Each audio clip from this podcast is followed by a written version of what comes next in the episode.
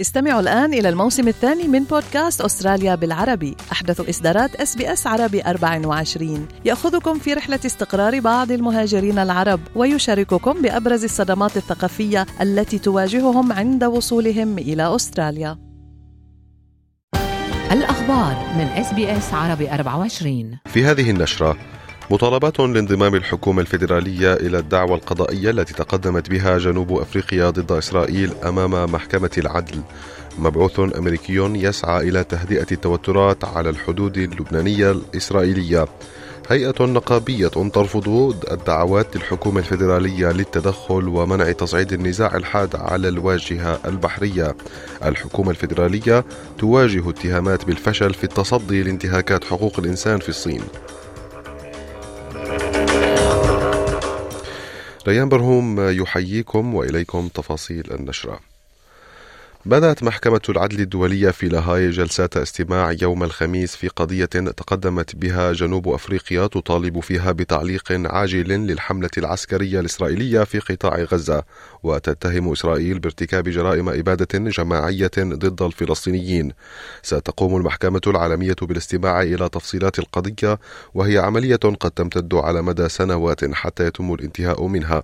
وقدم رئيس المحكمة جوان إي دونوغو البيان الافتتاحي South Africa contends that the acts and omissions by Israel of which it complains are genocidal in character because, I quote, they are intended to bring about the destruction of a substantial part of the Palestinian national, racial, and ethnical group, that being the part of the Palestinian group in the Gaza Strip.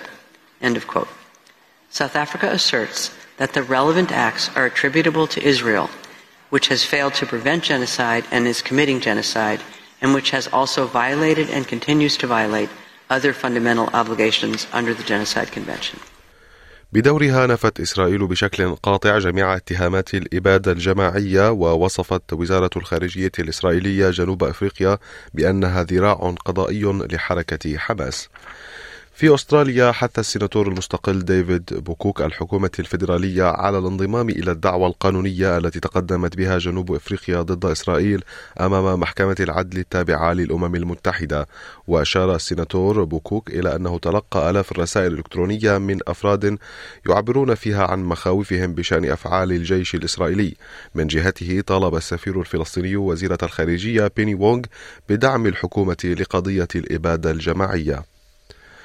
أعلن رئيس الوزراء الإسرائيلي بنيامين نتنياهو أن إسرائيل لا تعتزم احتلال قطاع غزة بعد انتهاء الحرب وأكد نتنياهو أن الهدف الرئيسي للقوات الإسرائيلية هو ضمان عودة آمنة لجميع الأسرى الذين يحتجزهم حركة حماس والقضاء على التهديد الذي تشكله هذه المجموعة العسكرية وأوضح رئيس الوزراء الإسرائيلي أن المعركة مع حماس لا تتعارض مع القانون الدولي Israel has no intention of permanently occupying Gaza.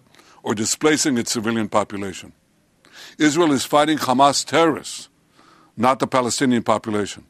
And we are doing so in full compliance with international law. The IDF is doing its utmost to minimize civilian casualties, while Hamas is doing its utmost to maximize them by using Palestinian civilians as human shields. أعرب مبعوث الرئيس الأمريكي الخاص أموس هوكشتاين يوم أمس عن أمله في أن تتمكن الجهود الدبلوماسية من تهدئة حدة التوترات على الحدود المتنازع عليها بين لبنان وإسرائيل التي تشهد تبادلا لإطلاق النار بين الجيش الإسرائيلي وحزب الله منذ ثلاثة أشهر. والتقى هوكشتاين رئيس الوزراء اللبناني المؤقت ووزير الخارجية وقائد الجيش ورئيس البرلمان في زيارة استغرقت ساعات للعاصمة اللبنانية بيروت يوم الخميس. وقال خلال مؤتمر صحفي أمل أن نتمكن من استمرار هذه الجهود كي نصل معا جميعا على جانبي الحدود إلى حل يسمح للجميع في لبنان وإسرائيل بالعيش في أمن مضمون والعودة إلى مستقبل أفضل. وصرح وزير الخارجية الأمريكي أنتوني بلينكن بأن التقارب بين الدول العربية وإسرائيل هو الطريقة الأفضل لعزل إيران. وأضاف بلينكن في تصريحات أدلى بها في القاهرة أن أمن إسرائيل وإدماجها في المنطقة مرتبطان بفتح طريق نحو إقامة دولة فلسطينية. يأتي ذلك في ختام جولته في الشرق الأوسط التي تناولت الأحداث في قطاع غزة. وفي شأن محلي انتقد وزير الزراعة موراي وات زعيم المعارضة بيتر داتن لموقفه بشأن قضية السلع الخاصة بيوم أستراليا. ودعا السيد داتن في السابق الأستراليين إلى مقاطعة سلسلة متاجر وولورث بعد أن أعلنوا أنهم لن يطلقوا السلع الخاصة باحتفالات يوم أستراليا هذا العام. حيث أشارت متاجر وولورث إلى انخفاض الطلب في السنوات الأخيرة. بالإضافة إلى الجدل الواسع حول ما يعنيه هذا اليوم للمجتمع كأساس لقرارهم ويقول السيد وات إن زعيم المعارضة مهتم بتسجيل النقاط السياسية أكثر من اهتمامه بحل القضايا الحقيقية التي تؤثر على الأستراليين I think it really shows the kind of priorities of Peter Dutton. Rather than thinking about the things that are priorities for Australians, like tackle, taking pressure off cost of living while not adding to inflation, he's out there fighting yet another culture war, talking about what kind of products that supermarkets sell.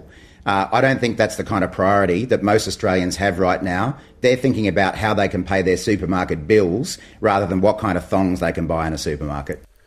رفضت أعلى هيئة نقابية في أستراليا دعوات للحكومة الفيدرالية للتدخل ومنع تصعيد النزاع الحاد على الواجهة البحرية على خلفية المواجهة الطويلة بين موانئ دبي العالمية والاتحاد البحري الأسترالي حول الأجور. يقوم العمال في الموانئ الآن برفض تنفيذ أجزاء معينة من أعمال الرصيف البحري. وبعد إضراب القطاع هددت موانئ دبي العالمية بتخفيض رواتب جميع المشاركين في الإضراب. وقامت رئيسة مجلس نقابات العمال الأسترالية ميشيل أونيل بإيقاف محادثات المعارضة محذرة من أن النزاع قد يؤدي إلى اضطرابات كبيرة في أكبر الموانئ الأسترالية. تواجه الحكومة الفيدرالية اتهامات بالفشل في اتخاذ إجراءات ملموسة لمعالجة بواعث القلق المتعلقة بحقوق الإنسان في الصين وفقا لتقرير منظمة هيومن رايتس ووتش العالمي لعام 2024 يقول التقرير إن الحكومة الفيدرالية لا تقوم بما يكفي لإثارة مخاوفها مع الحكومة الصينية. وتقول المنظمة بأن الدبلوماسية يمكن أن تؤدي إلى نتائج إيجابية مثل إطلاق سراح الصحفي تشينغ لي الذي سجن في الصين العام الماضي. ومع ذلك تشير المنظمة إلى أن هناك مجالا للحكومة الفيدرالية لبذل المزيد من الجهد للضغط على الحكومة الصينية كأكبر شريك تجاري لأستراليا على المستويين الخاص والعام. Quiet diplomacy can be used as an excuse for a lack of action, and I think it lets governments off the hook. And I think the role of us and the role of um, you know, rights respecting governments is not to let other governments off, off the hook, to make it really, really clear that we will not accept human rights violations. نجا ثلاثة أستراليين من حادث انهيار جليدي أسفر عن وفاة شخص في منتجع تزلج في كاليفورنيا. وأصيب أحد الناجين الأستراليين أوليفر تومسون بكسر في الساق وكانت أخته هانا وشريكها كالوم أيضا برفقته عند وقوع الانهيار الجليدي. عثرت السيدة تومسون وشريكها على شقيقها على بعد عدة مئات من الأمتار أسفل المنحدرات. وأبلغوا وسائل الإعلام أنهم اعتقدوا أنه فارق الحياة. I had no idea it was coming. I did not hear it at all. I could feel everything rolling around underneath me and it just felt heavy, like so heavy. The snow weighed far more than I ever could have imagined.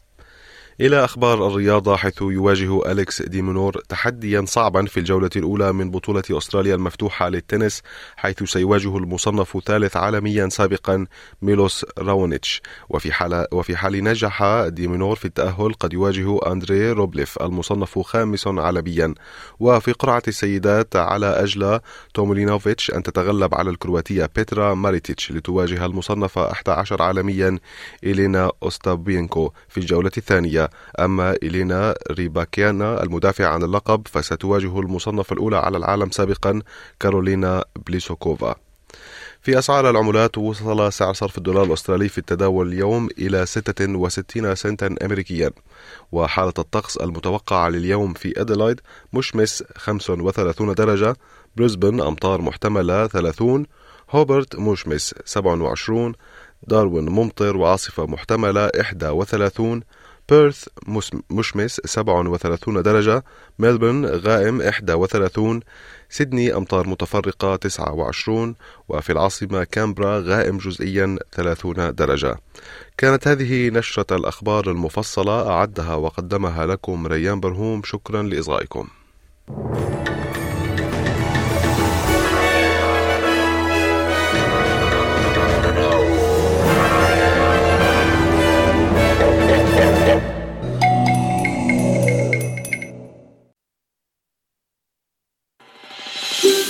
هل تريدون الاستماع إلى المزيد من هذه القصص؟ استمعوا من خلال أبل بودكاست، جوجل بودكاست، سبوتيفاي أو من أينما تحصلون على البودكاست